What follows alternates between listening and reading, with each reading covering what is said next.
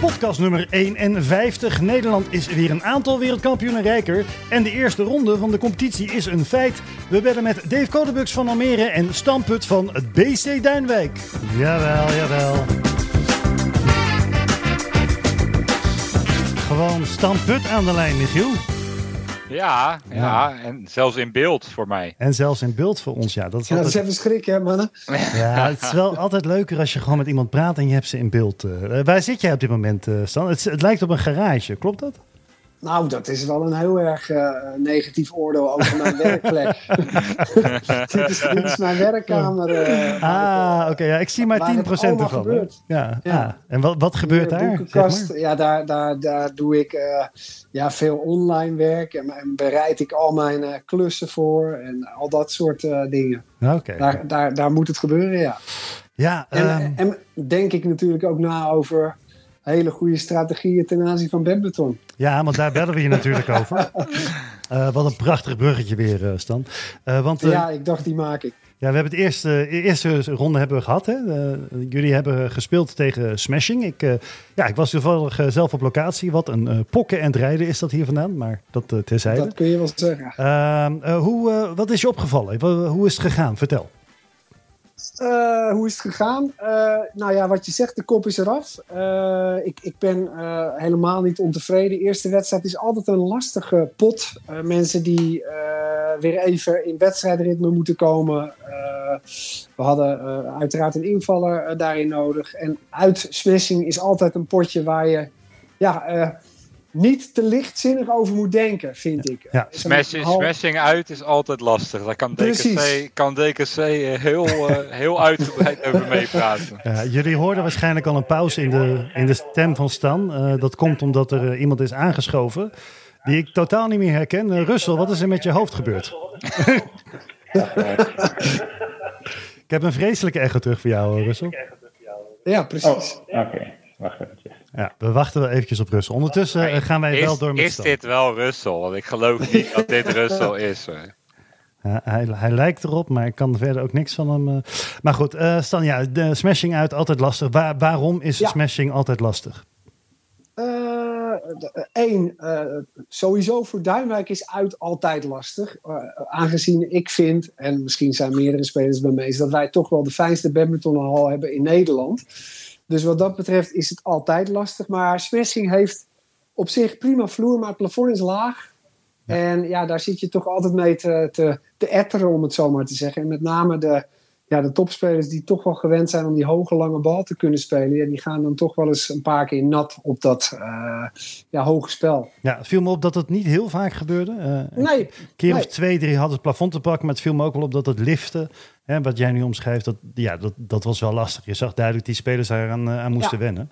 Ja. Um, nou vragen we aan iedere coach van stel je team even voor. We zijn dit jaar een beetje laat begonnen. Uh, maar ja, stel je team even voor. Uh, Brian Wassink, uh, Meerte Loos, ja, jouw dochter. Ja, die ken ik. Ja. Florine, Florine Wille, invalster vanuit team 2, meen ik. dan hebben wij uiteraard nog uh, uh, Ara Mahmoud. Uh, dan hebben wij nog Wessel van de Aar. Hebben we Imke van de Aar. Hebben wij nog... Finn? Finn Achthoven. ja, je overvalt mij een beetje. Ja, ik merk het. En Chloe Meijer natuurlijk. Ja, ja, Chloe en Nadja. En Nadia. En, ja. Dan zijn we volgens mij... En Adit uiteraard ja, ook nog. Adit, ja. Want die, die was er niet en bij. Deborah. Deborah, ja. Dus, die zal wat minder spelen, las ik. Ja, ja zeker, zeker. Die is natuurlijk met de Olympische uh, tocht bezig. Ja. Dus vandaar dat wij iedere keer even moeten kijken. Dus vandaar dat je me ook even overviel van... wilde je de spelers van afgelopen zaterdag hebben... of wil je de spelers hebben die we allemaal op een rij hebben staan? Nou, maar bent... goed, volgens mij zijn we er uh, zo'n beetje... maar pin me er niet op vast, uh, mannen. Als er nou. nog iets te binnen schiet bij jullie. Hey, het, is je, het is je misschien opgevallen dat uh, rechts onderin ons scherm... ja, de mensen die luisteren zien dat niet. Daar zie je Russell. Russell, jij zit helemaal in Hongkong, hè? Nou, verder weg nog, uh, Michael Loos. Oh, sorry, vertel. Hoor je, hoor je mijn echo nog, of niet meer? Nee, nee, je klinkt redelijk oké. Okay. Alsof je in het toilet zit, ik zit maar... Uh, ik zit in Taiwan, nee. Of in Taiwan, ja. Ja. Vertel, wat doe je daar? Anders dan Hongkong. Dus ik kon, uh, nee, ja, ik kon helaas niet aanwezig zijn tegen Roosjes bij Velo. Uh, nee, ik ben uh, voor werk hier en ook een stukje badminton en familiebezoek. Ja, want dus, ik, jij stuurde ja, wat plaatjes door over het badminton in Taiwan. Ben je daar ooit geweest dan in Taiwan? Nee, nee, nee. nee. Ik ja, nee. Oh, ik, oh, ik dacht dat je Nee, ik, ben er een aantal keer geweest dan, maar het is, uh, het is echt een, een, een badminton-gek land is het geworden. Ook uh, door de resultaten onlangs van, uh, van Taiwan natuurlijk op internationaal podium. Is het echt ja, een gekhuis geworden wat betreft badminton. Ja, het is de, ja, je stuurde wat plaatjes door ook over school, badminton. En je had een OV, OV-pas met daarop ja, gewoon badmintonspelers.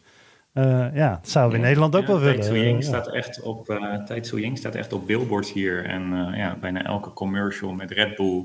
Of als je hier een, een, drankje bij de McDonald's bestelt, daar staat zij gewoon op, het, ja, op, het kartonnen, op de kartonnen verpakking. Wow. Het, is, ja, het leeft heel erg hier. Want je zegt inderdaad met scholen badminton. hier zijn de scholen ook begonnen vanaf september. En ja, op elke basisschool of uh, ja, hogere school zie je gewoon aanplakbiljetten heel groot aan de zijkant van, het, uh, ja, van de school met uh, kom bij ons badminton. Ja. En ja, dat is wel echt heel cool. Ze hebben dan een schoolteam, daar kan je dan voor geselecteerd worden. Daar wordt lesgegeven door gediplomeerde trainers ja, in Taiwan. Cool. En ja, ja, bij zo'n toernooi komen dan regiokampioenschappen, scholen regiokampioenschappen, scholen nationaal kampioenschappen. Dus je kan echt vanuit je schoolteam nationaal kampioen worden. En uh, ja, vanuit daar word je dan gescout om, uh, om verder te gaan. Vet, Het is ja. een heel cool systeem. Dus ze kunnen daar badmintonnen, maar natuurlijk niet zoals bij ons in Nederland. Volg je dat nog een beetje? hier enorm, Michael. De ja, je eigen uh, dus. enorm. Heb je Velo uh, gezien het afgelopen weekend? Ja, dat was ook de enige die we konden zien. ja, klopt. Ja, dat was de enige stream die we konden zien. Dat was wel jammer. Um, ja. Uh, heb je, ja, wat, wat, wat, vond je ervan, van, van de uitslag? Ja, ik heb, uh, ik heb de hele livestream gezien inderdaad. Dus ik heb elke wedstrijd gevolgd. En uh, ja, gelijk na afloop stuurde ik naar de coach van... Uh, ben je tevreden? En zou je hier van tevoren getekend voor hebben? Toen zei hij ja. Dus okay. zes punten tegen Roosterse thuis. Daar was op voorhand voor getekend. Natuurlijk de wedstrijden tien uur naar Roosterse vielen. En dan doe ik eigenlijk vooral op de dames single. Dat is natuurlijk wel heel erg zuur. Die, die had Velo gewoon van tevoren eigenlijk... had ik die opgeschreven. Maar uh, ja, bleek niet zo makkelijk. Ja, an andere doelstellingen denk ik dan, uh, Stan. Want wat is de doelstelling van Duinwijk dit seizoen? Uh, ja, wij willen uiteraard weer proberen een poging te doen om die finale te bereiken, Michael. Ik merk wel dat, dat, uh, dat alle coaches uh, heel behoudend zijn in hun uh, uitspraken. maar hetzelfde als wat Franklin vorige week zei. Stan, als jullie geen kampioen worden, dan heb je echt gefaald als coach hoor. Als ik dat team, team hoor van jullie. ja, maar goed, wat ik je net al zei. Ik heb nog eventjes, voordat ik daar enorm op word afgerekend. We hebben natuurlijk ook nog Ties, die erbij zit. Ja, ook. Ja, en, en Deborah uiteraard. ja, voordat ik dat... En Imke. Ja, Imke had je wel genoemd. Oh, nou, kijk, ik, voor de, je, ziet het, hè, wat dat doet, stress. Ja, ik, ik ja. merkte ja, nee, dat je slag was. Ja. ja, Michiel, terecht wat je zegt. Uh, we hebben een heel mooi team, uh, maar het is wel een raar seizoen. En uh, we hebben ook wel te maken met wat blessureleed. Nadja is geblesseerd. daar hebben we niet zo heel veel opvang in. nog dames die ja, naar die Eredivisie moeten toegroeien. Dus daar zitten wel wat puntjes. Deborah die natuurlijk met uh, Olympisch verhaal bezig is. Ja, uh, dus, dus dat is wel een dingetje.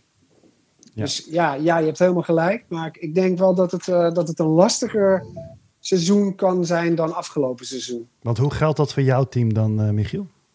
Ik heb nog een andere vraag. Want ik, ik, ik, zit natuurlijk al heel lang met de vraag dat ik ook Stanse kant van het verhaal wil horen. En dat is over Jordi Hilbink vorig, uh, vorig seizoen. Hoe dat, uh, hoe dat nou vanuit jullie gelopen is. Ja, nou ja, goede vraag. Uh, ik, ik heb jullie podcast beluisterd. En ik, ik kan alleen maar zeggen dat, ik het, dat het verhaal wat jullie gaven, dat is precies hoe wij het ook hebben gedaan. En dat ja. is dat wij in gesprek gaan en inderdaad, je kunt niet zes weken van tevoren zeggen, joh, jij staat op die plek enzovoorts. Dus ja, daar is gewoon het open en eerlijke gesprek op geweest. En daarin hebben wij gezegd, joh, we kijken pas in de week van de wedstrijd hoe wij een opstelling gaan neerzetten. Dus ja, je doet geen toezeggingen uh, vond ik overigens wat jullie keurig hadden verwoord ook daarin. Dus het is helemaal conform jullie lijn geweest. Nou, dat is mooi. Hebt het in ieder geval goed ingeschat. En ja, uh, nog, ja het is wel heel jammer hoe dat gelopen is natuurlijk. Super maar, jammer. Super jammer. Maar ik, uh, ja, Michiel, wij kennen natuurlijk Jordi ook al wat langer. En ik denk Stan, Stan zelf ook wat langer. Maar het past helemaal niet zo heel erg bij hem als persoon om zo een houding aan te nemen. Het, het nee. een beetje naar onzekerheid, wat ik nooit echt bij Jordi heb gemerkt. Nee, ja, kijk, weet je, die vraag zul je altijd aan Jordi zelf moeten stellen. Wij waren ook uh, behoorlijk verrast. Dat kan ik er uh, en wil ik er nog over zeggen. We vonden het ook onwijs jammer. Zeker omdat hij uh, aan had gegeven hè, dat het zijn laatste jaar was op, op, op eredivisieniveau. Ja, zo neem je geen afscheid van een club, vind ik. en, en, en dan houdt alles op op een bepaalde manier. Doodzonde. Ja. ik, vind, ik vind Jordi een verschrikkelijk leuke, goede vent ook een hele goede, waardevolle uh, badmintonner geweest voor Duinwijk. als je er dan zo uitgaat, ja, ik vind het onwijs jammer. Ja, ik uh, ben even nieuwsgierig naar een ander verhaal. Uh, want jullie hebben een van de, nou ja, in ieder geval meest besproken talenten op dit moment binnengehaald, Adit. Ja. Um, wat is zijn inzetbaarheid? Ehm, volgens mij hebben wij hem een vijftal wedstrijden gecontracteerd, Michael. Oké, mooi. Dat, dat gebeurt meer hè, dit seizoen, dat mensen voor een aantal wedstrijden worden gecontracteerd. Bij Amersfoort bijvoorbeeld, Ruben Gillen. Ja, want dat was uh, opmerkelijk volgens mij, Michiel. Want uh, hij zat volgens mij gewoon op de tribune. Ja, ja. hij was er wel, ja. Had hij zijn tas wel bij zich, of ook niet? Om jullie nee, te nee, hij was er ook niet vanaf het begin. Dus uh, we hadden niet echt het idee dat hij mee ging doen. En uh, ja, die jongen, die, ja, die jongens, nee, die jongens hebben natuurlijk korte lijntjes met elkaar. Dus ze wisten al wel van, ik hoorde al wel van, ja, hij komt wel kijken, maar hij gaat niet meedoen. Dus dat was wat chill. Want als hij wel meedeed, eh, Michiel, is dat dan iets waar je dan denkt van, nou, dat wordt heel moeilijk? Nee, dat wordt niet heel moeilijk. Dan verlies je gewoon twee partijen, dan afgesproken. Oké, ja, helder. Ja, met, met alle respect uh, voor degene die daar, uh, die daar wel staan. Maar ja, normaal gesproken, als, als je de opstelling ziet die wij nu uh, afgelopen weekend hebben gehad. Ja, Als, als Ruben Jelle daar staat, dan uh, ga ik ervan uit dat hij gewoon twee wedstrijden naar zich toe trekt. En dan is het 6-2 in plaats van uh, eh, 8-0. Dus dat maar maakt heel veel sterker, uit. sterker worden jullie niet, denk ik. Sterker worden wij niet, nee. nee. Nou, misschien als ik niet speel, dat we dan een stukje dus, sterker zijn. Dus Michiel, je kunt wel stellen, als jullie dit jaar geen kampioen worden, dan hebben jullie gefaald. Nee, zeker niet. Veel gefaald. Nee, nee. Dat, dat geldt alleen voor Almere en Duinwijk, vind ik. Ah, dat is nog eens... Voor, uh, voor Velo bedoel ik. Velo en Duinwijk. Maar ook Almere trouwens. Ja. nou, jullie hebben het goed gedaan, uh, Michiel. Eerste potje 8-0. Dat, uh, ja, dat, dat, uh, ja. dat, dat, wel. Qua, qua scoren was het, was het heel goed. Qua verloop een stuk minder. Het was, al, ja? was geen, was geen uitgesproken Hosanna-stemming na afloop hoor. Er zijn ook wel wat, wat duidelijke woorden gewisseld met elkaar. Okay. Want, waaronder, waaronder ik over mezelf ook hoor. Want er zijn gewoon een aantal wedstrijden waar, waar gewoon heel zwak begonnen werd. En dat uh, is uh, wel uitgesproken naar elkaar toe. Ja. Dat dat eigenlijk niet, uh, niet mag gebeuren. Ik ben benieuwd, Michiel, want je, je gaf natuurlijk aan dat je weinig tot niet hebt getraind ook. Merk je dat dan vooral tijdens het begin van zo'n wedstrijd? Of ja, viel dat wel mee bij jou? Ja, ik kan nu moeilijk zeggen dat ik de wedstrijd van mijn leven heb gespeeld. ik, werd, ik werd een set lang helemaal weggetikt. En uh, met alle geluk van de wereld hebben we twee matchpoints overleefd en een 19-15 achterstand in de derde set overleefd. Dus uh, ik kan nu niet zeggen van, uh, nou, ik hoef niet te trainen. Mentaal heel sterk Maar verandert het iets voor jou? Nee. Verandert nee. het iets voor jou, Michiel, dat je denkt van, nou, ik moet nu wel ja, wat meer uren gaan maken? Ga je weer trainen? Dat is eigenlijk de vraag. Ja, ja Michael heeft wat inside information. ja. Nee, ja, in principe ga ik niet trainen. Alleen, ja, als er normaal gesproken uh, speel ik gewoon twee keer vrij. En als dat wegvalt, door welke reden dan ook, dan ga ik om me heen kijken. En ik was eigenlijk van plan om naar Schollevaart te gaan. Het is nu een beetje op een, op, een, op een laag pitje, omdat uh, vanwege pedellen, dat dat niet, uh, niet altijd uitkomt en de trainingsdagen niet, uh, niet overeenkomen. Dus, maar, maar Michiel, zeg jij daarbij dat je dus normaal speel je twee keer in de week? Maximaal, ja. Gewoon, gewoon potjes. Ja, Dat, is, dat is het uh, principe dit seizoen, ja. ja. Ja, ja. Nou ja, weet je, met jouw uh, routine is dat volgens mij ook uh, een prima uitgangspunt. Ja, maar die, die jonkies moeten het maar een keer gaan doen, hè. Dus, ja. Ja. Ik wil even terug naar Duinwijk, jongens. Want, ja, ik ook. Jullie hebben een punt laten liggen in, in de single met uh, Florine Wille. Dit was haar debuut volgens mij, hè? Ja, ja. zeker. Ja. Wat, hoe, vertel, hoe, hoe vond je het gaan? Uh, nou, Florine heeft het uh, goed gedaan. We hebben haar vooral aan de voorkant gezegd: joh, probeer nou vooral een beetje te genieten van je debuut. ga die wedstrijd gewoon in en kijk waar je, waar je, waar je strand bij van spreken. zat wel veel spanning op bij haar. is, is iemand die daar wel moeite mee heeft. maar ik vind eigenlijk ja, dat ze die wedstrijd ja, goed doorgekomen is. Het had zelfs haar kant op kunnen vallen, uh, denk ik. Uh, maar dan zie je ja, toch wat spanning terugkomen en uh, ja, wat dingetjes doen die je, als je dat wat vaker doet, die dan niet hoeven te gebeuren. Dus ja, weet je, prima prestatie van Florine. En ik hoop vooral dat ze er nu, het is nu dinsdag, al een beetje positiever op kan terugkijken. Want ik denk dat het kritisch is. Ik ben benieuwd wat voor, uh, wat voor invloed jij als coach daarop hebt, op, op zenuwen, vooral wat er dan bij zo'n debuut uh, komt kijken. Dat, dat, ken je natuurlijk, dat herken je natuurlijk aan het begin, maar tijdens de wedstrijd heb je daar ook nog een bepaalde invloed op met jouw achtergrond. Nou ja, ik, ik heb vooral nu ook even de coaching in de wedstrijd voor het merendeel aan Corine gelaten, omdat Corine echt al één of twee seizoenen bij haar in het team heeft gezeten, die ook zei van joh, zal ik ernaast komen zitten? En ik heb vooral de, de observerende houding aangenomen en uh, Corine wat gesouffleerd. En voorafgaand aan de wedstrijd en na de wedstrijd met haar gesproken. Ja, wat kun je dan met een beetje jouw, mijn achtergrond daarin? Iemand vragen, wat vind je fijn uh, om, om, om, om gecoacht te worden? Uh, wat heb je nodig? Uh, kun je dat aangeven?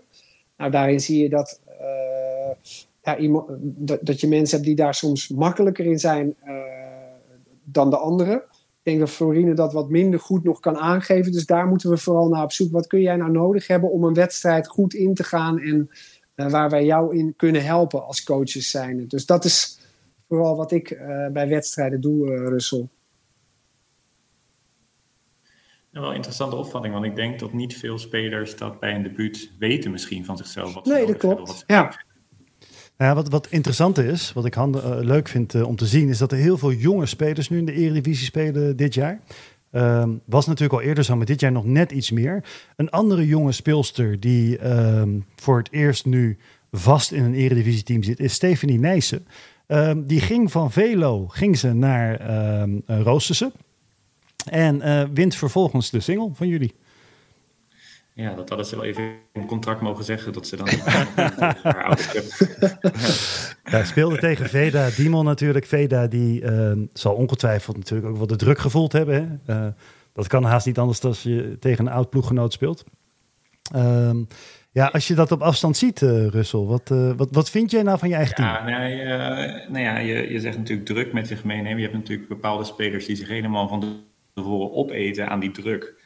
En die het een beetje verliezen daarin. En meestal heb je wel direct door bij wat voor soort spelers die dan die druk naast zich neer kunnen leggen. En die spelen gewoon ja, een eigen wedstrijd.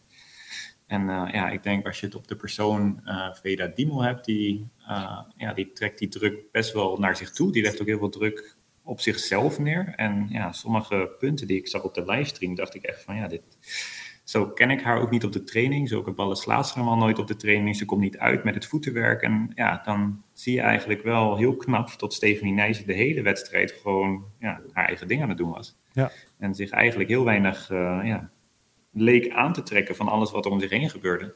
Ik vond, ik vond niet echt een, uh, dat is niet om de mensen uh, naar beneden te praten, maar ik vond geen hele um, mooie pot om te zien. Uh, even nee, er werden veel fouten afgewisseld van beide kanten. Ja, veel uit, veel, uh, ja, veel fouten, ja. korte rallies. Ja. Uh, maar ja, uiteindelijk ja, wint toch vechtkracht. Ehm, en heeft Stephanie Nijs hem gewoon wel gewonnen. Nipt, maar wel gewonnen. ik heb gisteren al eventjes gebeld met ehm, de andere ploeg waar we het vandaag over zouden hebben. Dat is Almere. en dan had ik Dave Kodabux aan de lijn. En ik laat jullie even horen hoe dat gegaan is. Dave Kodabux en zoals bij iedere start van het seizoen doen we een rondje coaches. En vandaag bellen we met Dave Kodabux. Dave, welkom. Hi. Hi. Ja, dat is even terug. Hebben we elkaar een jaar geleden gesproken, ook aan het begin van het seizoen. Um, toen, toen, gaf je al aan ja, dat jullie een behoorlijk team hadden staan. En wat me altijd opvalt, we zeggen het wel eens gekscherend, en jullie weten spelers echt langdurig vast te leggen. Er is niet heel veel veranderd in jullie team, hè? Uh, nee, nee. Uh, we hebben eigenlijk uh, op Timo na het uh, team intact kunnen houden. Ja, klopt. Ja. En ja, daar zijn we eigenlijk wel heel blij mee. Ja, begrijp ik. Het, is, het was natuurlijk al een sterk team. Ehm, en ja, de spelers die erin zitten, die zijn alleen maar sterker geworden volgens mij. Um, wat, wat is er met de buitenlanders? Dat is wel mijn taak inderdaad. Dat is wel wat jij doet, hè? Ja. Wat, met, uh, wat er dan met buitenlanders? Ja, dat, uh, die, zijn, uh, die zijn nog steeds lid van het team. Um, maar net zoals eigenlijk al de voorgaande jaren wij vanuit onze eigen kracht, vanuit de eigen club, de spelers de kansen te bieden. en daar waar wij denken dat er aanvulling nodig is, dat op te vullen met buitenlandse spelers. Maar zoals je net al zei, we hebben het team vrijwel intact kunnen houden. De spelers zijn beter geworden. Dus ehm, ja, uh, die krijgen in principe de voorrang om, uh, ten opzichte van de buitenlandse spelers. Ja, logisch. Ja, en, en vorig jaar zaten we natuurlijk echt voordat het seizoen begon. Nu is de eerste wedstrijd al geweest. Um, dat was tegen Dropshot uit. Die hebben jullie met uh, zes, of 2-6 gewonnen. Um, ging dat een beetje zoals verwacht? ja, zo'n eerste wedstrijd is altijd even koffiedik kijken en proberen te plaatsen waar je, wat je in de zomer hebt gedaan, of dat voldoende is nou, met de 6-2 overwinning ten, opzichte van Dropshot denk ik dat we, dat we een goede start hebben gemaakt. Um, volgende week tegen DKC, dat wordt, uh, dat wordt een nog test. En dan uh, zullen we denk ik ook echt wel ja, zien hoe we ervoor staan. Ja, want degene die mij, ik haalde even eentje uit die mij heel erg opviel, was Novi Wieland tegen Alida Chen. Um, die had ik zelf al een beetje aan Alida gegeven. Um, ik, ik heb het niet kunnen zien, want er was geen livestream. Maar, maar wat, wat, hoe ging dat? Oh ja, en degene die mij nog meer opviel trouwens, was Iris van Leijs en Kelly van Buiten in het damesdubbel. Dus kan je een beetje omschrijven hoe die partijen gingen? Um, ja, dat kan ik, uh, kan ik wel. Zo'n uh, zo damesdubbel, daar heb ik zelf niet achter gezeten, want ik heb achter de heren zitten. Uh, dat vertrouwen heb ik aan, aan Cheryl en aan, aan Kirsten gegeven, dat zij die damesdubbel zakelijk wisten binnen te halen. Um, was een beetje onwennig voor ze. Uh, om samen te spelen nu. Ze zijn natuurlijk veel samen, maar uh, samen op de baan naast elkaar merk je toch dat zij gewoon uh, ingespeeld zijn met, met andere speelsters. En dat, ja, dat gaf af en toe wat verwarring. Ehm, maar verder hebben, zijn ze eigenlijk in die gehele wedstrijd niet in de problemen geweest. Ehm, ook een ruime voorsprong bij, bij de 20. En dan wat foutjes, wat snel te, te snel proberen af te maken. Ja. Um, zonder wat af te doen tegen, ten opzichte van de dames van Dropshot. Want uh, ik heb eerlijk gezegd de wedstrijd niet gezien, alleen het scoreverloop uh, een beetje in de gaten gehouden. Precies, ja. En uh, Noah won zijn eerste set ook overtuigend van Lars, zag ik. Dus uiteindelijk gewoon lekker zes punten mee. En dan inderdaad de volgende wedstrijd tegen DKC, in, in, ja, in het hol van de leeuw eigenlijk. Um, want daar, ja. daar staan natuurlijk wel wat namen tegenover. Um, heb je al een idee over de opstelling voor jezelf? Zeker, ja, die heb ik al wel in mijn hoofd zitten. Ja, ik, uh, ik gok niet dat je een prijs ja. gaat geven. Nee. nee, dat dacht ik. Zo zat het dik in. Wordt wel een casino voor jou vanavond. Ja, ik ben, ik ben nee, uh, Ja, ik, uh, ik uh, zal uh, mijn sterkste opstelling daar proberen neer te zetten. om, om gewoon een mooi affiche af te geven en te kijken waar de spelers staan. Ja. Die hebben de zomer ervoor gewerkt en ze, willen, ja, ze willen ook gewoon weten waar ze, waar ze aan toe zijn. Ja. Dus ehm, ik uh, zal niet schuilen. Ja, er was, geen, uh, was eigenlijk bijna nergens een livestream behalve bij Velo. Uh, is dat wel iets wat jij inzet om de volgende wedstrijd te analyseren, zo'n livestream? Zo'n livestream. heel veel van de analyses doen de spelers zelf. in dit geval. In mijn eerste jaar toen als, als coach, toen was ik zelf, had ik even geen baan. Toen heb ik er zelf ook heel veel tijd in gestopt om videoanalyses te doen. En nu doen vooral de spelers het zelf. Ik vind ook dat mijn spelers professioneel genoeg zijn om, om dat zelf op te pakken. Ja, het, het knappe van Almere is natuurlijk dat jullie die selectie zo in stand weten te houden. Hè? Dat is nu al een aantal seizoenen zo. merk je ook dat, dat die combinaties inmiddels wat meer ingesleten zijn? De combinatie, ja. Ja, dat, dat, dat merk je wel. Ehm, we blijven toch ook wel ook de combinaties wisselen. En dat heeft er ook mee te maken met de beschikbaarheid. Want ondanks dat we een brede selectie hebben, hebben we ook alle spelers nodig. Omdat we um, ja, gewoon te maken hebben met internationals die gewoon veel weg zijn. Ja, ja logisch. Um, ja, nou ja, dat waren wel een beetje mijn, uh, mijn vragen. Ik uh, ben ontzettend nieuwsgierig naar hoe het gaat tegen DKC. Want ik zie dat wel als een, uh, een topper eigenlijk voor, van dit seizoen. Um, uit is natuurlijk altijd moeilijker dan thuis. Hè? Um, dus ik, ja, ik wens jullie heel veel succes. En DKC natuurlijk ook, want wij zijn niet partijdig. en ja, bedankt dat we even mochten bellen. En we spreken elkaar snel weer. Helemaal goed. Dankjewel. Doen we. Hoi, hoi. Dankjewel. Hoi. Ja, moet ik uh, bijzeggen, mannen, dat we daarna nog uh, dik 40 minuten hebben doorgepraat. Maar dan met de opnameknop, opnameknop uit. Uh, toen kreeg jij de opstelling. Ja, ja toen had ik de opstelling. Nee, ik ken de opstelling niet. maar we hebben natuurlijk wel flink wat grapjes gemaakt over de kantine van Almere en dergelijke een tijdje terug. dus ik vroeg hem van, joh, heb je daar wat van meegekregen? En hij zei, nee, ik luister helemaal niet naar jullie. Dus uh, ja, dat, uh, ja, dat is de oplossing. Um... dat is sowieso de beste oplossing, om niet uh, naar ons te luisteren. Precies, het allerbeste. Stan, als je dit hoort, even een afsluitende vraag en dan laten we je ook weer beginnen aan je avond. Um, hoe, hoe zie je Almere um, versus Duinwijk? Ja, Almere, wat jullie net bespraken, sterk team, brede selectie.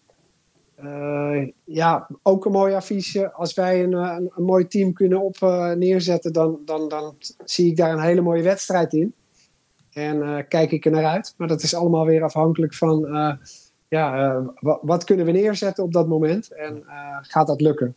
Maar ja, eerst zaterdag, TKC Almere, ben ik heel nieuwsgierig naar. Ja. Ik ben uiteraard ook benieuwd, Michiel, of jullie met een volwaardig team kunnen komen. maar dat zul je misschien ook wel niet zeggen.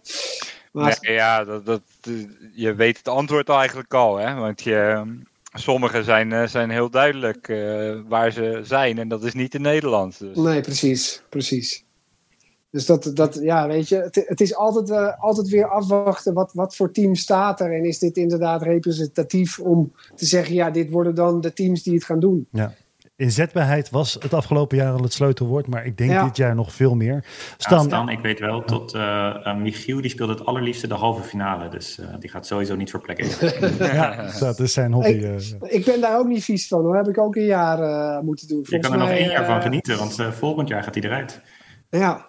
ja, ik vind dat altijd wel leuke potten. Ik bedoel, ik ben bij jullie wezen kijken ook, Michiel, afgelopen jaar. Dat heeft wel iets, zo'n halve finale. Ja. Het heeft iets speciaals, klopt. Ja. Ja, en er staat dat je merkte ook dat er veel druk op stond. Want ja, er waren zelfs uh, ja, lichte opstootjes en het publiek was echt heftig aanwezig. Dus het was, wel, was echt een. Uh, ja, alle elementen zaten erin, uh, zeg maar.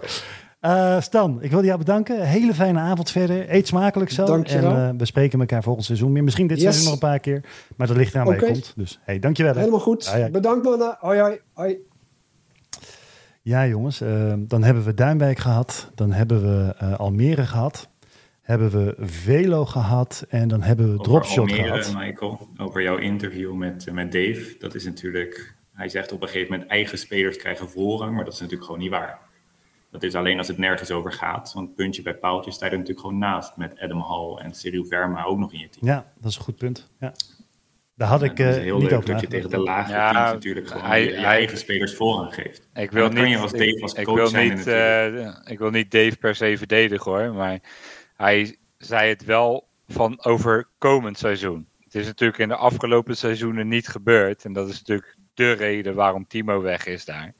Ja, maar hij, hij, ik ben benieuwd of dat echt zo gaat zijn. Want in principe heb je met, met, uh, met Alex en Dion uh, gewoon altijd een goede dubbel. En met Dennis en Noah altijd goede singles. En diezelfde Alex en Dion heb je een goede mix.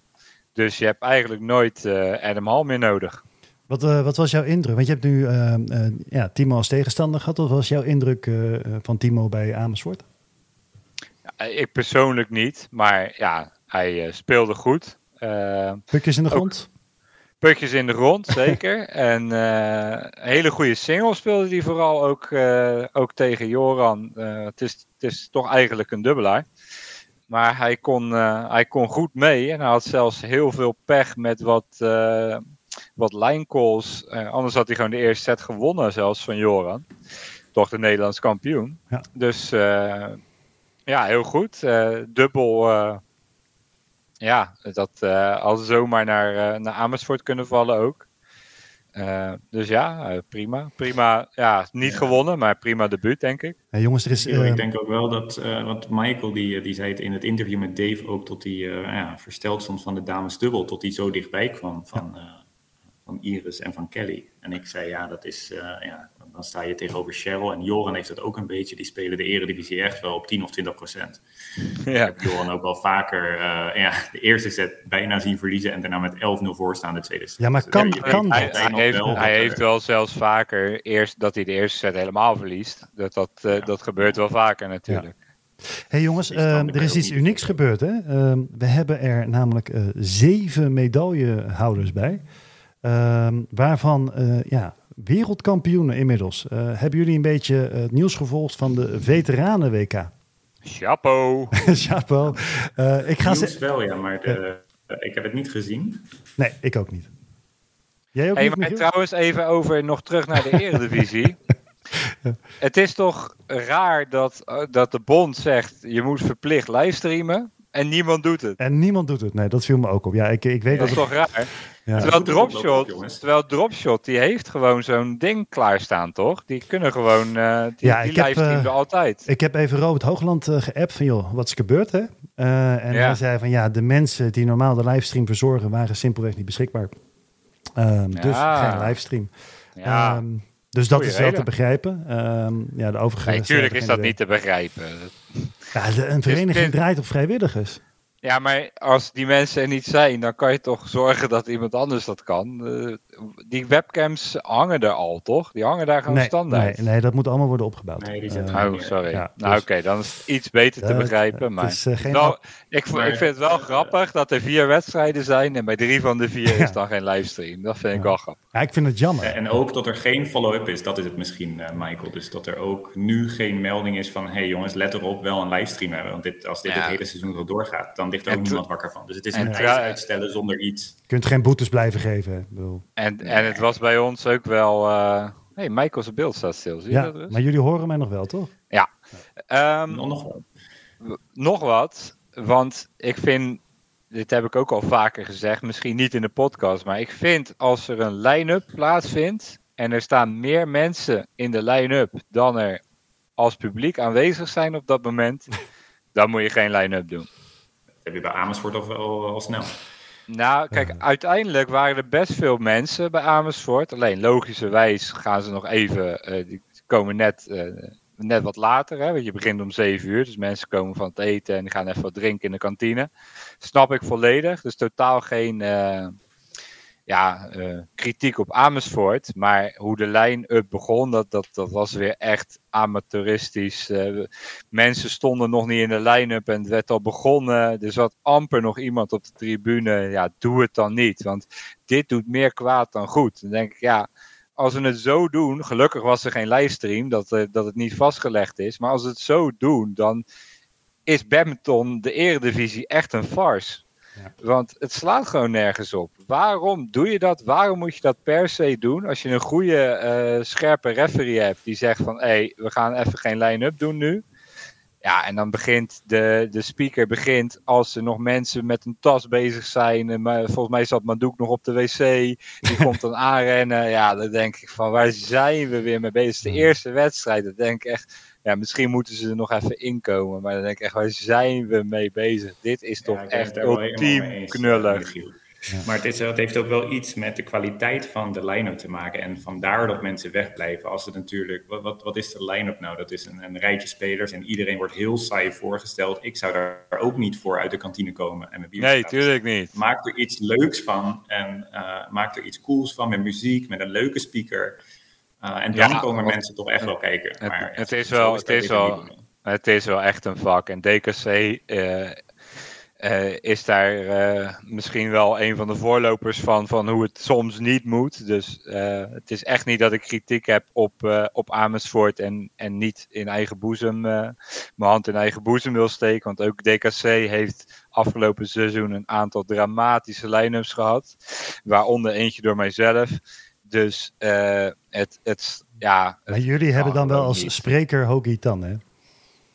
Soms, ja. ja. Dus dat helpt. Nee, ja, kijk wat het is. Je hebt daar, je hebt daar, je hebt daar gewoon zonder Hokie, uh, zonder mijn eigen voorzitter uh, te pesten. Ik heb het tegen hem ook gezegd dat hij gewoon niet meer als je, als, je dat, als je dat op een goede manier wil doen, dan moet je daar iemand neerzetten die het leuk kan doen. En dat is met alle respect niet Hogie Ton. En dat is met alle respect aan mezelf ook niet Michiel Kruid of Russell Muns. Uh, en ook niet Michael Loos trouwens.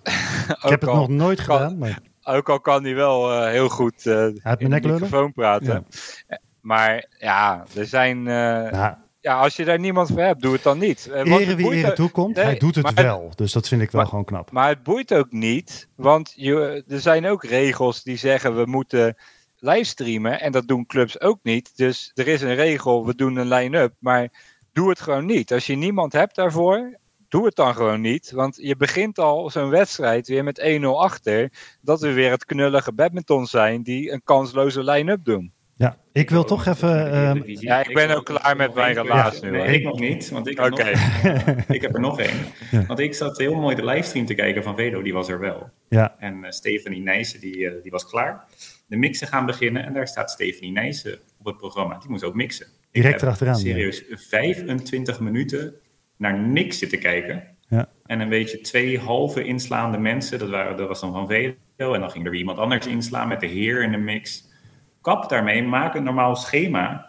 Ja, uh, helemaal mee eens. Iets leuks. Waar zitten mensen nou naar te kijken? Helemaal niks. Helemaal mee eens. Er wordt zo vaak niet nagedacht over welke volgorde. Want soms staan er twee mensen uh, in de single die niet moeten mixen. Die gaan dan eerst.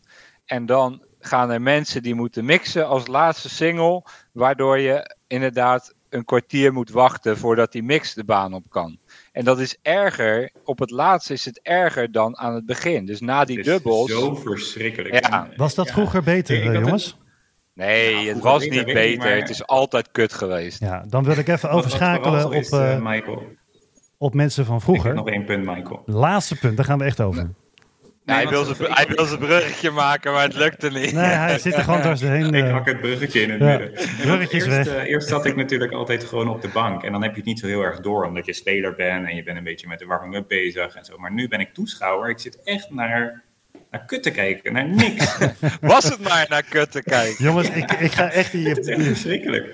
Ik moet echt nu kan je een bruggetje maken. Ja, ik heb geen bruggetje meer, dus ik ga gewoon over. over kutten. Uh, want ik vind het wel belangrijk dat we eventjes uh, benoemen dat er uh, op de Veteranen-WK goud gewonnen is door TFS-dame Jeannette van der Werf. Hatsem flatsem. en Georgie Trouwenbach. maar ook zilver door Un San Tosa en ja, een Indonesiër. elke Nijse heeft samen met Tanja Ebel gewonnen in de 55 plus. Uh, zilver. En Jeannette van der Werf die deed gewoon nog een keer met zilver. Uh, met, samen met Jean Bertrand Petersen uh, in de 60 plus. En als laatste een bronzen medaille voor Mariella, Marielle van der Woert in de 50 plus. Dus ja, gewoon super knap. En hoeveel inschrijvingen waren het dan niet, hè? Even een chapeautje van Michiel. Chapeau. Hoppatee, nou, die kunnen voorlopig vooruit. 1260 inschrijvingen. Ja, bizar. WK-veteranen in totaal. En het deelnemersveld, dat uh, loog ook niet om, want veel oud-Olympisch kampioenen en uh, ja, wereldkampioenen. Ook uh, de vorige uitzending, Tony Gunawan, die zei jullie helemaal niks, maar die deed nu gewoon weer mee. Ja, wel, die zei me wel wat. En hey, maar, Georgie en die domineren Georgie en Zanette, die, die halen altijd die medailles op daar. Hè. Dat Bizar toch wel? Geen set verloren.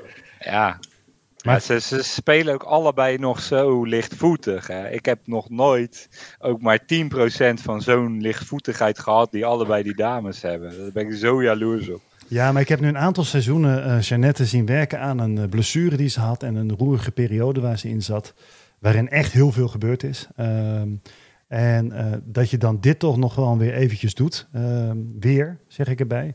Ja, ja dat vind ik ongekend. gewoon buitengewoon knap. En, uh, ongekend. Maar dit, dit is ook haar echte motivatie natuurlijk. Hè. Daarom, uh, ze, ze doet dat voor, uh, voor die veteranenkampioenschappen, waar ze ook enorm veel tijd en energie in steekt. En ik begreep ook dat ze in de organisatie zit van veteranenkampioenschappen en competitie in Nederland. Daar is, kreeg ze een prijs voor bij de afgelopen veteranenkampioenschappen. Dus zij ja, zij doet daar enorm veel voor. En dat is ook mooi voor haar. dat zij, en als iemand het verdient, dan is het Jeanette wel. Ja. Dat, dat ze zulke, zulke prijzen wint. En, en ja, die loftrompet ja, we moeten... Het is wel leuk om dan een beetje door de lijst te gaan met, eh, met deelnemers allemaal, die dan ook in andere categorieën spelen, niet Nederlands. Dan denk ik, oh ja, wie ken ik nog van vroeger, die dan nu nog meedoet in de veteranen. En uh, de nummer 1 geplaatst in de mannensingle 40. En die won niet eens, maar dat was uh, Boonsak Ponsana uit Thailand. Ik weet niet of je die oh, ja. kent. ja, zeker. Ja. Die, ja, die stond vroeger ook gewoon hoog op de wereldranglijst. Ja, super series te spelen. Maar die, ja, ja, die won niet. Die eh, kwartfinale ging die eruit van een Zo. Over uh, dingen gesproken die ik niet weet. Ik had begrepen dat uh, Michiel een trivia-vraag voor ons had. Ja. Toch ben je klaar voor? Ik heel benieuwd of we dezelfde hebben, maar Michiel, want ik heb er ook een. Oké, nee, ik heb, ik heb er één die ik vorig jaar ook had. Alleen nu is het een ander antwoord. Namelijk, we weten allemaal dat Almere wederom de meeste competitieteams heeft. En vorig jaar was ze nummer twee. Wie was het ook alweer? Jeetje. Kom op, jongens. Mijn... Ja, Schollevaar. Maar nu is het dus niet meer Schollevaar. Het is nu een andere club. Almere Welke dan? Club? Wel, nee, Almere is één, Michael. Nee, Luister. Is, is, dat nog steeds één? Want je zegt Almere is nog steeds één. Alleen wat, dat weet iedereen. Wat, welke club is nummer twee in het aantal competitieteams? Um, bondscompetitie bedoel je dan? Hè? Bonds, ja, het, is allemaal bondscompetitie uh, tegenwoordig. Mijn gok is, uh, is Duinwijk, maar dat is vooral omdat ze in alle hoge categorieën meerdere malen vertegenwoordigd zijn. Nee. Wat is nou ook alweer die vereniging waar Gert Tabeling uh, bij zit? Uh, Martinez Amstelveen. ja, Amstelveen. En die zei je vorige keer volgens mij ook, maar het ja. is nog steeds niet. Ja, ik heb geen antwoord. Het is, wel, het is wel in Zuid-Holland ook. Is het een eredivisie club ook? Nee, tweede divisie als hoogste. Oh, hmm. Ik weet echt niet. Ja, jongens. Ja. Hij gaat ook uitmelken, hè, merk je? ja, tuurlijk. Dat doet, doet Russell ook heel, heel benieuwd. Ja. ja nou, het, is in Alphen, het is in Alphen. Oh, uh, Javi. Of uh, hoe heet ze? Uh, Limes. Ja. 14 competitieteams. En Almere, Almere 17. Ik kan me wel ja. Schollevaart 13 volgens mij, als ik het uit mijn hoofd allemaal zeg. Ik heb het vanmiddag opgezocht, maar misschien heb ik een foutje gemaakt. Kan me niet voorstellen. Maar 14, BC Limes, chapeau. Chapeau, heel knap. Dan heb ik een, eh, een andere trivia vraag, want ja, wat is mij opgevallen dit weekend? En uh, ja, ik volg niet alleen maar de eredivisie, maar ook de bondscompetitie. Wat nou als ik jullie vertel dat er onder onze neus een transfer plaats heeft gevonden waar nou ja, geen enkele club rekening mee had gehouden. Een voormalig nummer 6 van de wereld in de gemengdubbel en een voormalig nummer 14 in de herendubbel. Die speelt nu op een tweede divisieniveau ergens in Nederland. Zo. De vraag is, hij komt uit Duitsland. Wie is deze meneer? Uit Duitsland? Hij komt uit Duitsland, ja. Jeetje, wat een vraag, hé. Je hebben allemaal van die vragen, daar kun je echt ik, ik, ik, moest ook echt drie keer met mijn ogen knipperen. En ik heb zelfs uh, geverifieerd met iemand die ook in dat team zit van... is dit echt deze meneer? En die zei, ja. Welk team deze is meneer. Die staat gewoon... Uh, ja, BC Flits. BC Flits? Ja, ja, ja. Nou, dat doen ze knap. Dan zeg jij natuurlijk, ja, maar waar komen die vandaan? Ja, en als ik dan zeg, die komen uit Wierden dan weet je waarschijnlijk al steeds niet waar ze vandaan komen. Zal in de buurt van Duitsland zijn. in Twente. Het is ja. Eh, Michael Voegs. Oh, daar heb ik nog tegen gespeeld. Heb je gewoon of verloren? Hij speelt gewoon tweede divisie PC Flits. En heeft hij meegespeeld dit weekend? Hij heeft meegespeeld en, met en verloren. In zijn neus. hij zit in het team bij Sebastian Lee, onder andere. Jeetje, wat een team is dat dan? Een gigantisch goed team in de tweede divisie. Die gaan zich opmaken voor een eerste divisie, denk ik. En misschien zelfs wel een eredivisie. Ja, dan gaan ze meteen door, want dan is het een standaard team. Dus dan uh, is het twee keer tegen Shutters. Uh, ik vroeg aan Sebastian Lee van, uh, ja, hoe hebben jullie deze man gestrikt en hoeveel verdient hij? Maar die zei, met, nee, met, wie, met, wonen en, met wie heeft hij? Dat is, hij is in de buurt komen wonen en vooral vroeg hij waar ergens in de buurt kan ik op, op een normaal niveau badmintonnen. Uh, en in Overijssel kom je dan met deze flits. Wow. Ja. Die speelde altijd met, uh, met, met Birgit, hè? Met, met Birgit en met Ingo Kindervatter. Ja. Spannend. Dus, een hele goede, goede dubbel heeft hij. En een goede gemengde Hé hey jongens, ik heb een aantal stellingen voor jullie. Nee joh, dat is lang geleden. Ja, dat is lang terug. Hè? maar ik ben... dat je hebt voorbereid, eh, Michael. Ja, ja, jij hebt voorbereid en ik ga ze geven. Uh, ik moet zeggen dat de wifi op het toilet in Taiwan echt goed is trouwens. Kijk, nee, ik zit, uh, ik zit op mijn kantoor. Heb je? Oké. Okay. Uh, stelling nummer 1. Uh, Stephanie Nijssen bewijst de eredivisie aan te kunnen door te winnen van Veda Diemel. Eens. Oneens. de stand in de eredivisie is na ronde 1 hetzelfde als aan het einde van de competitie. Oneens. Eens. Ruben Jille kan bij Amersfoort de kar omhoog trekken. Oneens. En jij? Ik hoorde jou niet rustig. On, oneens. Oneens? Okay. Oneens. Bij de competitie met minder teams gaan clubs als Smashing het lastig krijgen. dat is een beetje Jeetje, dat zijn wel uh, nogal simpele eens natuurlijk. En dan de laatste. De traditionele topclubs moeten meer spelers uitlenen aan de overige clubs om het niveauverschil te verkleinen. Oneens. Eens. Ik denk dat de laatste misschien wat het meest interessante was als ik keek naar jullie reacties. Ik zag Russell echt ja, heel erg... Ik, bij mij ging er gelijk een belletje van mits ja. daar een goede, goede structuur voor is. Want ja. er moet natuurlijk ook wel iets tegenover gestaan voor de club die de speler uitleent. En op dit moment nee, je moet, eerder je besproken, moet je kan natuurlijk maar bij één club ingeschreven staan. Dus het kan helemaal niet. Ja. Nou ja, ik, ik heb daar een gesprek over gehad. Ja, je, kan uh, wel, je kan wel meerdere clubs ingeschreven staan natuurlijk. Alleen niet competitie spelen. Maar Mm. dat moet je niet doen. Je moet de regels veranderen. Dat is de enige manier. Dus uh, ja, ik, ja, uitlenen heeft geen zin, joh. Maar ik zat nu bij Smashing dan, of uh, ja, bij Smashing afgelopen weekend. En ja, dat is wel gewoon verdrietig om te zien dat het voor zulke clubs gewoon nagenoeg onmogelijk is om in dit geval nu met acht teams te handhaven.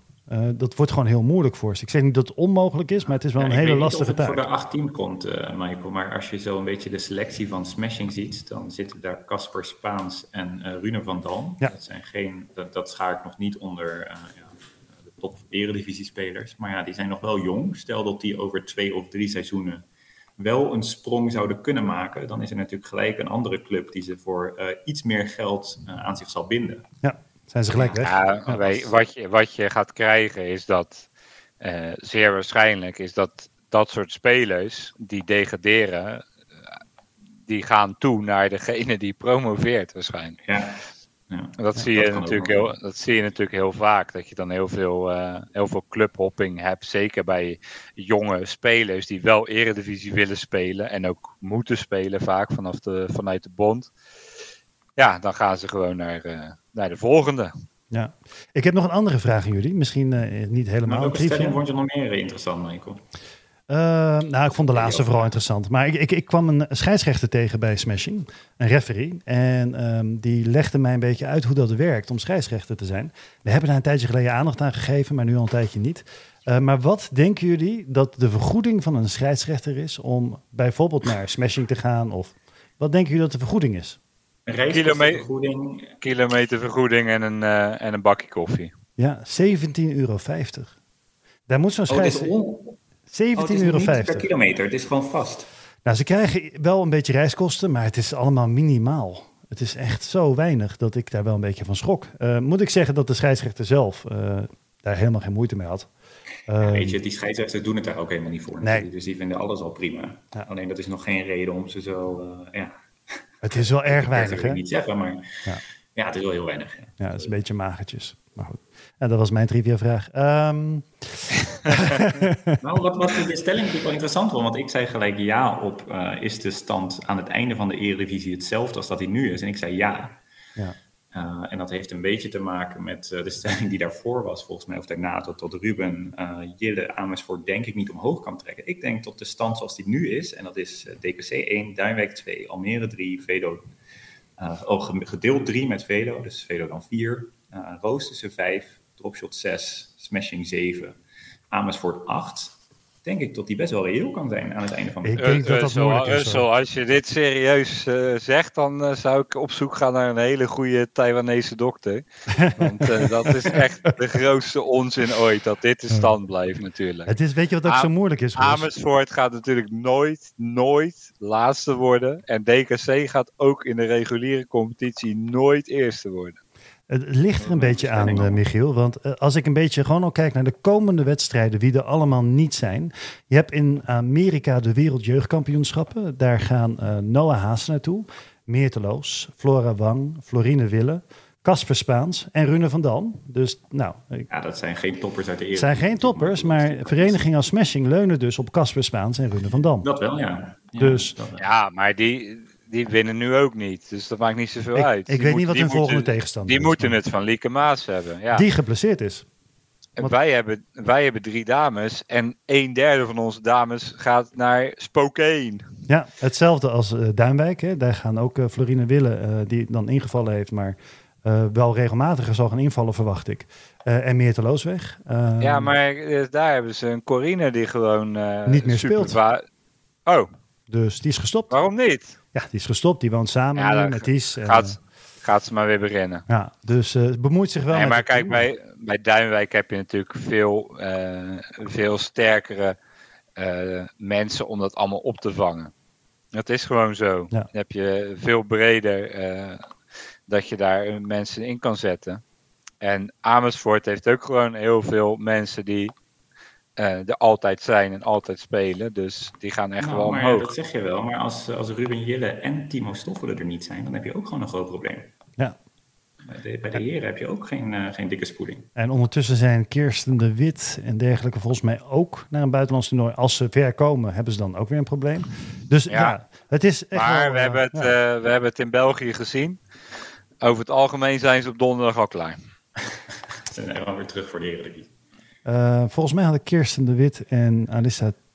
Ja, ik ga die naam ga ik niet eens proberen. Ja, hadden, Kirsten, hadden Alissa, best ver gekomen. Nee, helemaal niet. Ja, ook weer een draak van een wedstrijd gespeeld, Mike. Ja, die hebben uh, inderdaad, die hadden kansloos van die twee Turkse dames. Uh, ah, die waren ja. trouwens de enige die de, die de vrijdag gehaald hebben. Ja, met Ruben Jelle dan. Maar dat was niet een Nederlands koppel natuurlijk. Maar dat was de halve finale, toch? Of zit ik er nou? Nee joh. Nee joh. Nee, Veel zeker niet. Voor, Michael. Het, max kwartfinale. Volgens mij waren kwartfinales op vrijdag, kwartfinale en half op vrijdag en finale op zaterdag. En er redelijk van overtuigd, want ze hebben volgens mij de kwartfinale nee, gespeeld tegen Meerte nee. en Caddy. Nee, absoluut niet. Want die Turken, stonden, die, Turk, We gaan die, het Turken opzoeken. stond- die Turken stonden ook niet in de finale, dus dat kan niet. Nee, nee, nee, klopt. Maar het was vooral de manier waarop, wat, uh, want ik heb die wedstrijd een stukje gezien van die, van die damesdubbel, waar dat ze dan verloren. En ja, de, de wanhoop droop er echt een beetje vanaf, en dan vooral van Alissa. Het was, uh, was geen leuke wedstrijd om te zien. Ja, ik Nee, ze, ze zijn nog. Je kan opzoeken wat, wat je wil, Michael, maar het klopt wat ik zei. Het was, was de kwartfinale. Women's double. Ehm stonden die Turken gewoon eh, in de halve finale. Ja, dat zeg ik. Dus dan eh, was Dan ja, stonden ze dus niet in de finale. Dus kwa- het was niet kwartfinale. de Ja, maar is nog steeds, ja, kwartfinale. Ja, is, wat is Kwartfinale, wat is dat? op Je een zwaar bezet je- toernooi, hè? Een zwaar bezet toernooi. Ze hebben gewonnen van twee jeugdspelers en dat is het. Dat Ja, is toch niet- Marcus Ellis en Lawrence Smith waren er bijvoorbeeld ook. Dat geeft toch Ja, wel hebben- daar het niveau niet van toernooi aan. Daar hebben ze niet tegen gespeeld. Ja, ik, ik vond het een interessant toernooi wel op zich. Als want- je ziet bij die dames dubbel wat er aan die ene kant in de finale staat, dat eh, kan Claudia bijna ook nog. Bedoel jij uh, Lissy Tolman en Estelle van Leeuwen? Of? Nee, nee, ik ga Ah. geen namen noemen. Zeker niet, ja, nou zeker niet over Estelle, Wat want daar ben ik eh, is, bang eh, voor. Als we het over de, de Belgium International hebben, dan komt de Dutch Open er ook bijna aan. Dat Ja. is in oktober en dan eh, spelen we heel lang geen Eredivisie. Dus eh, de- vooral daarvan ken ik het. Maar ik zag een beetje naar eh, ja, de Dutch Open te kijken als toernooi. En eh, ja, een, een international challenge is het. Dus ook het deelnemersveld. Dat, eh, ja, ik, ik zat de acceptatielijst te kijken. Dat viel me eigenlijk een beetje tegen. En, eh, Viel ja, enorm tegen. Een international challenge eh, was geworden. Want ja, ik, ik ken het nog van eh, ja, een paar jaar geleden. Toen had ik gewoon Kento Momota gezien op de Dutch Open. Nou, die, eh, die strikt daar nu echt niet meer zijn veters voor. Het is een, Nou, eh, hij zit ja. nu weer op het niveau dat hij challenges moet gaan spelen. Het is, ja, nu wel, nu wel. Maar het is, eh, het is terug naar een prijzenpot van 15.000 dollar, waar het eerst nog eh 75.000 dollar was van een Super 100 toernooi. En eh, ja, ik, ik zat een presentatie op de Badminton Nederland website, waarin een Dutch Open website volgens mij, waarin ze aankondigden dat ze het heel graag naar een eh, Super 300 toernooi zouden willen tillen in de komende twee of drie jaar. En ik zat een beetje te kijken naar wat voor prijzengeld daar dan beschikbaar voor zou moeten komen. 150.000 dollar. Dus ik weet niet waar ze dat vandaan gaan toveren. Van de Airbag in Ik, ik heb toppot. geen idee hoe ze dit zouden moeten gaan bewerkstelligen. Competitieteams gaan 3000 euro de, het pitting betalen. uh, een, een, ander ding wat mij opviel, jongens. Uh, Mark Kaljau staat als nummer 1 geplaatst daar, zo'n de heren single. Mark is... dat valt niet op, want het is, een, dat is een international challenge. Maar ik hoop dat hij nog eerste geplaatst staat. Ik bedoel meer dat hij vorige week uitviel tijdens een partij met rugklachten. En afgelopen weekend, niet veel later na het toernooi, gewoon wel zijn competitiewedstrijd stond spelen. Oké. Ja. ja ik hoorde geen vraag. Nou ja, hoe komt dat? Wat, wat is daar gebeurd? Ja, uh, hij heeft al langere tijd last van zijn rug. En ja, dat is het. Daarom uh, kon hij niet uh, vol door bij België. Heeft hij zichzelf wel beschikbaar gesteld voor DKC na een aantal dagen later.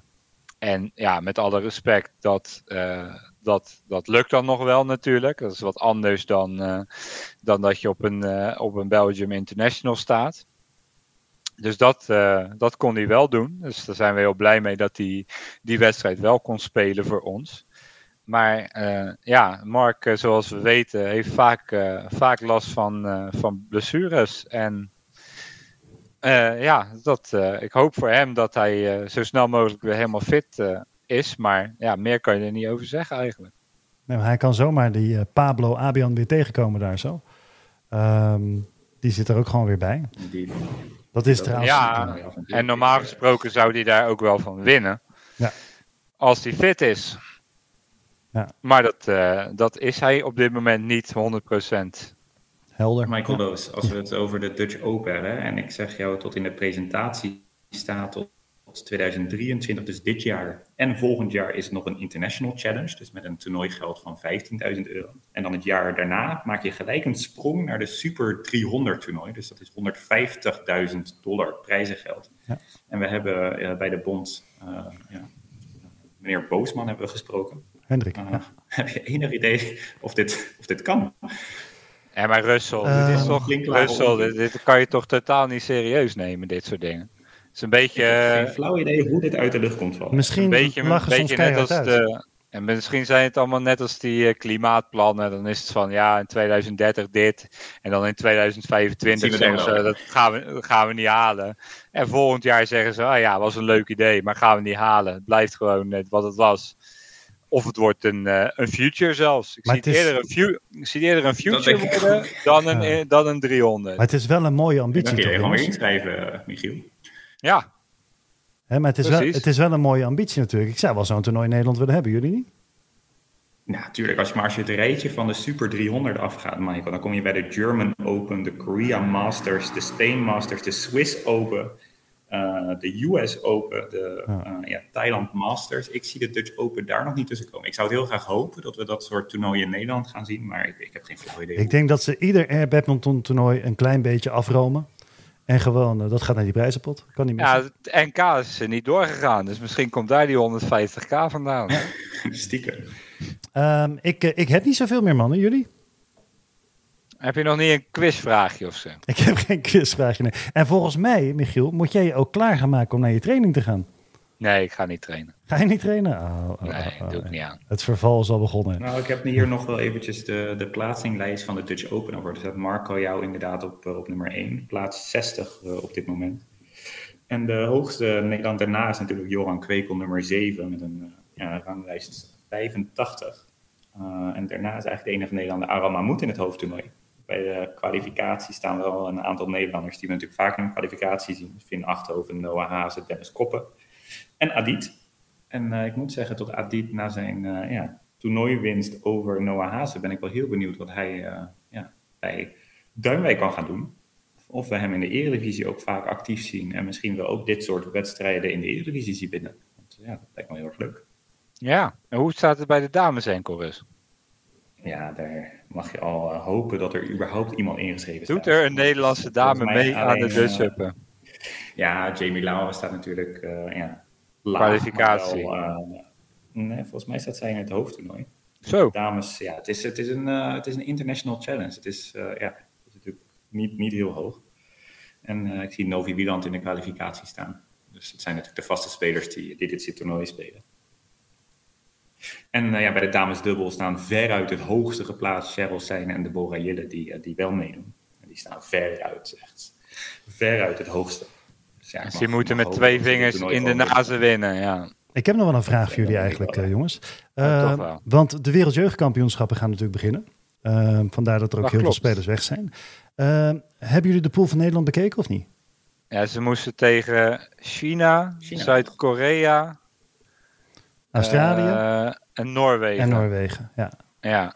Ja, ik had het met Flora erover. Ik zei al, als je van Noorwegen en Australië verliest, hoef je niet terug te komen. Uh, nou, ik denk niet dat dat makkelijk wordt. Wat denken jullie? Hoezo? Nou ja. Al aan het Nederlandse team dan aan de badmintonkwaliteiten van Noorwegen en Australië, denk ik. En die kunnen toch niet badmintonnen daar? Is, is Australië niet upcoming? Die hebben toch nee, Gronja Sommerveld, die hebben we toch, ja, dat, gesproken. Dat, is de enige. Maar dat is geen jeugdspel. En Kenneth, Kenneth hebben we ook gesproken destijds. Ik, uh, Michael, ik alleen, als, uh, cheat, alleen als cheaten meedoet, dan uh, wordt het... cheaten! ik, ik denk dat je het bij dit toernooi niet op het team moet, moet rekenen. Maar je misschien hooguit een uitschieter van iemand die ja, een goede loting heeft en ver komt de Noah Haas. Het is heel. Uh, maar ik verwacht, niet ik verwacht het niet. Het is heel lastig natuurlijk. Maar mijn vraag was eigenlijk: vinden jullie dat ze, uh, gezien de bezetting die we nu hebben, hè, je ziet dat er uh, halve koppels zijn en ehm, ja, singelaars met mixspelers en dubbels, nou et. Ja, weet je wat ik, wat ik raar vond met, die, met de jeugd gebeuren? Zij gingen daar naartoe en ze kregen pas heel laat te horen met wie ze dan überhaupt gingen spelen op het toernooi. Er was helemaal geen, geen opstelling, was ook geen, uh, waren ook geen duidelijke partners voor het uh, individuele ja, voor het individuele toernooi. Je, je zegt daar ja tegen, maar zeker als dubbelaar, je zegt dan ja, ik ga mee, maar je weet niet meer wie je mag spelen. Ja. dat is toch raar? Maar dat is in, bad, in, in badminton is dat vrij normaal uh, in Nederland. Want uh, je zegt ja tegen de eredivisie en dan gaan twee teams uit en dan gaan al, heel de opzet uh, wordt veranderd. maar bij, ook bij het jeugd-WK, ze, ze doen maar wat hè. Ja, maar ja, wat nou bijzonder is... Hoe, ja. Wat, wat, kost zoiets? Voor, want ik, ik ben nog een beetje van de gouden eeuw van het badminton Nederland en de Yonex deal. Toen was er geld in overvloed en we konden overal heen en we hoefden heel weinig geld te betalen. Ja. Hoe is dat nu? Uh, nou, het is anders. Ja, ik, uh, ik uh, ben trots erop dat ik kan zeggen dat ik van de eerste generatie ouders ben die wel mag betalen. um, dus kortom, wij hebben een, een, een, viel uiteindelijk nog wel mee een eigen aandeel erin. Hè. Even uit mijn hoofd was het 8,5, 900 euro. Um, hè, en dan volgens mij wat eten en drinken daar zo. En Badminton Nederland doet daar ook wel bij aan bijdragen. Uh, maar ja, het is niet meer zoals vroeger dat alles betaald werd en geregeld was. Ja, maar ze moeten daar ook twee weken overleven, toch? Ja. En dus- dat, dat, dat eten en drinken en zo, dat moet ze allemaal gewoon zelf betalen dan? Of moet jij betalen? Moet ik betalen, ja. ja. Dus dan heb je het over 2000 euro, wat zo'n trip kost. Zou kunnen, ja. Maar weet je wat het is? Uh, dit is ja, maar het is toch bizar dat je, dat je daar 2000 euro aan kwijt bent en dat je van tevoren niet weet met wie je dan speelt. Ja, ik weet niet of het 2000 wordt. Um, dat, nou, dat denk ik niet. ik denk dat twee weken daar toch? Alleen maar het eten, hè? Ik bedoel, dan moet je wel flink eten hoor. Ja, uh, ja, maar ja, die dochter van jou die kan wel vreten. Die kan wel bunkeren, ja. Dus, uh. Het gaat meer om het punt natuurlijk dat je een, een, investering maakt zonder enig idee waarvoor. Of uh, wat dan het, ja, dat hebben we wel vaker over gehad, wat dan het langetermijnplan daarvoor is. Ja, dat wij, is heel wij, lastig. En ik, ik, wij hebben daar wel een serieus gesprek over gehad hier thuis. Um, uh, Claudia en ik. En we, uh, uiteindelijk is de conclusie geweest dat dit natuurlijk wel, ook al is je perspectief op dit toernooi niet zo heel groot, hè, zeker niet met uh, ja, tegenstanders als China, Korea, et cetera. En zijn de koppels misschien niet op elkaar ingespeeld en verwacht je er theoretisch gezien niet superveel van, um, is het nog steeds van een ervaring die je je kind gunt. Um, Uiteraard, als, als ouder uh, begrijp ik het. En ja. kijk, het is ook makkelijk uh, om te zeggen dat, uh, ja, om even gechargeerd te zeggen, je kan, je, jullie kunnen het missen. Hè? Jullie zijn in een goede positie dat je, dat je dat gewoon kan missen. Maar ja, het is wel, het is wel een dingetje natuurlijk. Het is ook, ja. ik snap het volledig. En ik ben enorm jaloers dat ik nog nooit meegedaan heb aan zo'n zo'n toernooi. Ja, aan de andere kant, het is bakken met geld. En uh, ja, sommige wedstrijden zijn uh, shuttles rapen. En sommige wedstrijden tegenstanders shuttles rapen. Dus ja. heb je dit nou echt nodig voor je ontwikkeling? Eigenlijk wat Russell altijd zegt van ja, wat is nou, wat is nou de meerwaarde hiervan? Ja, Want een eredivisiewedstrijd, een eredivisiewedstrijd hebben ze misschien nog wel meer aan. Ze missen nu twee eredivisiewedstrijden. Uh, daar hebben ze misschien nog wel meer aan dan zo'n uh, dan zo'n jeugd-WK in dit geval.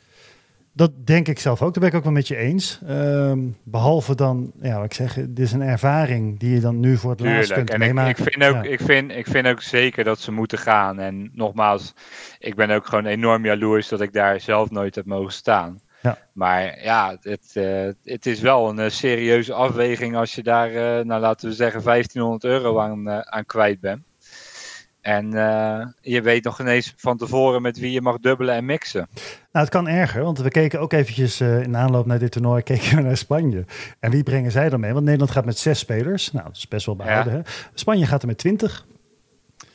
Dus dat is toch wel een ander, uh, ander niveautje. Uh, we hebben gewoon één keer team te ja, ik weet niet of die eigen bijdrage privé, hebben, maar... Privévliegtuig. Ja, dus uh, ja, het kan verkeren. Uh, al met al. Maar ze gaan, ze gaan, vrijdag er naartoe, toch? Ze gaan aankomende vrijdag vliegen. Dan is het een behoorlijke vlucht. Want Spokane is nou niet bepaald aan de East Coast. Hè. Dat is helemaal over Amerika heen. Ja. En, Waar dus, moesten ze overstappen? Ik heb echt geen flauw idee. Ik krijg daar niks meer van. Nou, nee, je hebt dus, weer uh, goed contact met je dochter. Ja, nee, maar dat is ook helemaal niet nodig, want ze is 18 geworden vorige week. Dus dan ja, ze mag ze het zelf, zelf maar uit. Ja, dus, ja en dan krijg ik vanzelf Precies. de tikkies wel binnen. Precies. maar ja, nee, ik denk wel een fantastische beleving en ik hoop gewoon dat het heel leuk Tuurlijk. is daar. En er zullen meer landen zoals Nederland zijn. ik weet niet, doet België ook mee? Weten jullie dat? Neem aan, neem aan van wel, toch? Nou, sommige teams hebben besloten niet te gaan. ja. België doet mee, ja. Ja, ik, ik verwacht niet dat die in een beter pakket zitten dan Nederland. Um, uh, evenals de Duitsers eigenlijk. Uh, weet je, het, het, zal daar toch wel gaan om hoofdzakelijk de Aziatische landen die, uh, die daar komen om gewoon echt prijzen te pakken.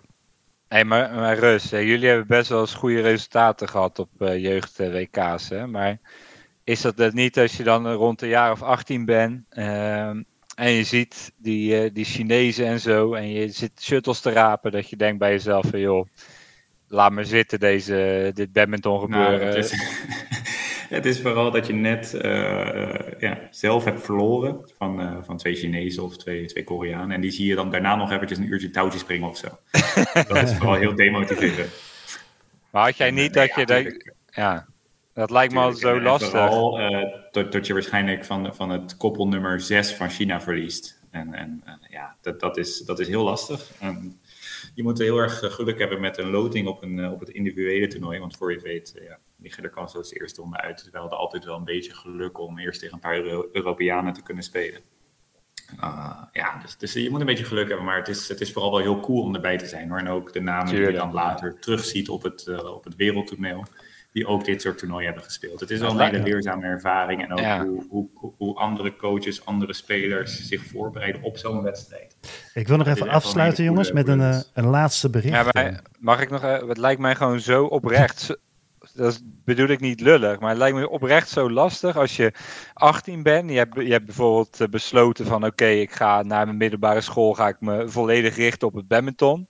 En je bent 18 en je komt daar bij een jeugd-WK. En je hebt gewoon echt geen schijn van kans tegen twee Chinezen. Je in de Eredivisie in Nederland. En, en, en je wordt in de eerste ronde afgetikt. Kijk, als het van twee Chinezen is, is het nog niet eens zo erg. Maar uh, dan weet je van, oké, in mijn leeftijd stel ik niks voor, wereldwijd gezien. En dan daarboven zijn er nog, is er nog 15 van 15 jaar lang generaties die ook allemaal veel beter zijn lijkt me echt zo lastig om dan nog de motivatie te vinden. Ja.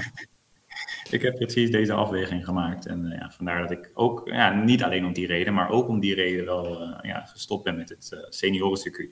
Ja. Ik daar helemaal niet in ben gestapt. Wat, zouden jullie wel gaan? Of niet? dat je heel wat voorstelt. Ja, tuurlijk zou ik gaan. Ja. Tuurlijk en, en als je dan met dit team gaat, wat voor koppels zou je maken? Ja, ik weet niet wat, uh, wat de restricties zijn, maar... Geen restricties? Ik denk, ik denk niet dat ik met, uh, als bond met een team zou gaan. Dan zou ik alleen de spelers uh, sturen die, waarvan ik vind dat ze op niveau zitten. Ja, om ik zou inderdaad niet het teamtoernooi spelen, maar wel de, de individuele spelers die er ook echt iets te zoeken hebben. Ja. ja. Over uh, wereldkampioenen gesproken trouwens. Uh, want badmintonners kunnen echt alles. Hè? geef ze een racket in hun hand, het maakt niet uit welke vorm of welke kleur. En ze worden er gewoon wereldkampioen mee. Zo ook uh, Onno Kwik, voor jullie niet onbekend. Die is wereldkampioen geworden met racketlon. Hebben jullie dat wel eens gedaan? wereldkampioen Onno Kwik. Racketlon. Ik geloof er helemaal niks van dat hij wereldkampioen is geworden. Ik heb hier een hij bericht van... Zelf in, hij heeft zelf in zijn tuin het wereldkampioenschap georganiseerd en hij heeft van zijn dochtertje gewonnen. Ja, het, komt niet van ons vandaan, het komt van Badminton Online. En die hadden gezegd, Onno Kwik haalde met zijn team de wereldtitel racketlon. Met zijn team, ja, dat is alweer heel wat anders. Ah, ik weet niet wie er in het team zit, met zijn moeder, zijn vader... Nee, uh, hij, hij, Onno kan een lekker, uh, lekker balletje slaan. Dat is zeker waar. Maar het is geen, uh, het is geen wereldkampioen racketlon individueel. hoe dat met het team zit, geen idee. Maar, Want wat speel je allemaal dan met racketlon? Dat zijn een aantal sporten gecombineerd. Hè? Je hebt tafeltennis. Je begint tafeltennis, dan badminton, dan squash en dan tennis. En je speelt tegen één iemand en je telt of een dubbel. Dus je speelt alles twee tegen twee dan. Of 1 tegen 1. En dat tel je dus alle scores bij elkaar op. En alles is tot 21 rally point. Dus uh, als je 21-0 wint met tafeltennis en 21-0 verliest met, uh, met uh, badminton, dan sta je weer helemaal gelijk. En dan hangt het van squash en tennis af. Rus, hoe laat is het in Taiwan? Het is half één. Half één s'nachts. Ik, ik ga jou lekker naar je bedje laten gaan. Uh, of is, is half één s middags? Nee, het is later. Nee, het is later, ja. Nee, we gaan straks nog eten, denk ik, uh, Michael. Ja, we gaan hier van de hele dag door eten. Ja, snap ik. Ja. Ik, uh, ik vond het gezellig, jongens. Maar uh, Russell, ben jij in ja. Taiwan naar de kapper geweest of nog in Nederland? Nee, in, ik heb de, de, fout gemaakt om in Taiwan naar de kapper te gaan. En als je daar als, nou, het is geen fout hoor. Nee, nee. Want als je een uniformje al, aantrekt, al, al, een uur, uur, naar jou te kijken ja. en ik ben echt helemaal verliefd geworden ja. op jou. Ik moet nee, zeggen... Uh, nee, als je in, in, Taiwan zijn ze sowieso nog niet heel erg gewend aan westerlingen. Dus als je daar een kapper binnenstapt, dan gaan ze, dan komen er serieus aan alle hoeken komen er kappers naar jou toe lopen om even in je haar te graaien en kijken hoe het nou echt voelt. en zo is het eraf gegaan. Uh. Wees, wees blij dat het bij je haar blijft. Doe normaal. Uh, Doe normaal. hey jongens, bedankt en ik zie jullie volgende week weer. Yes.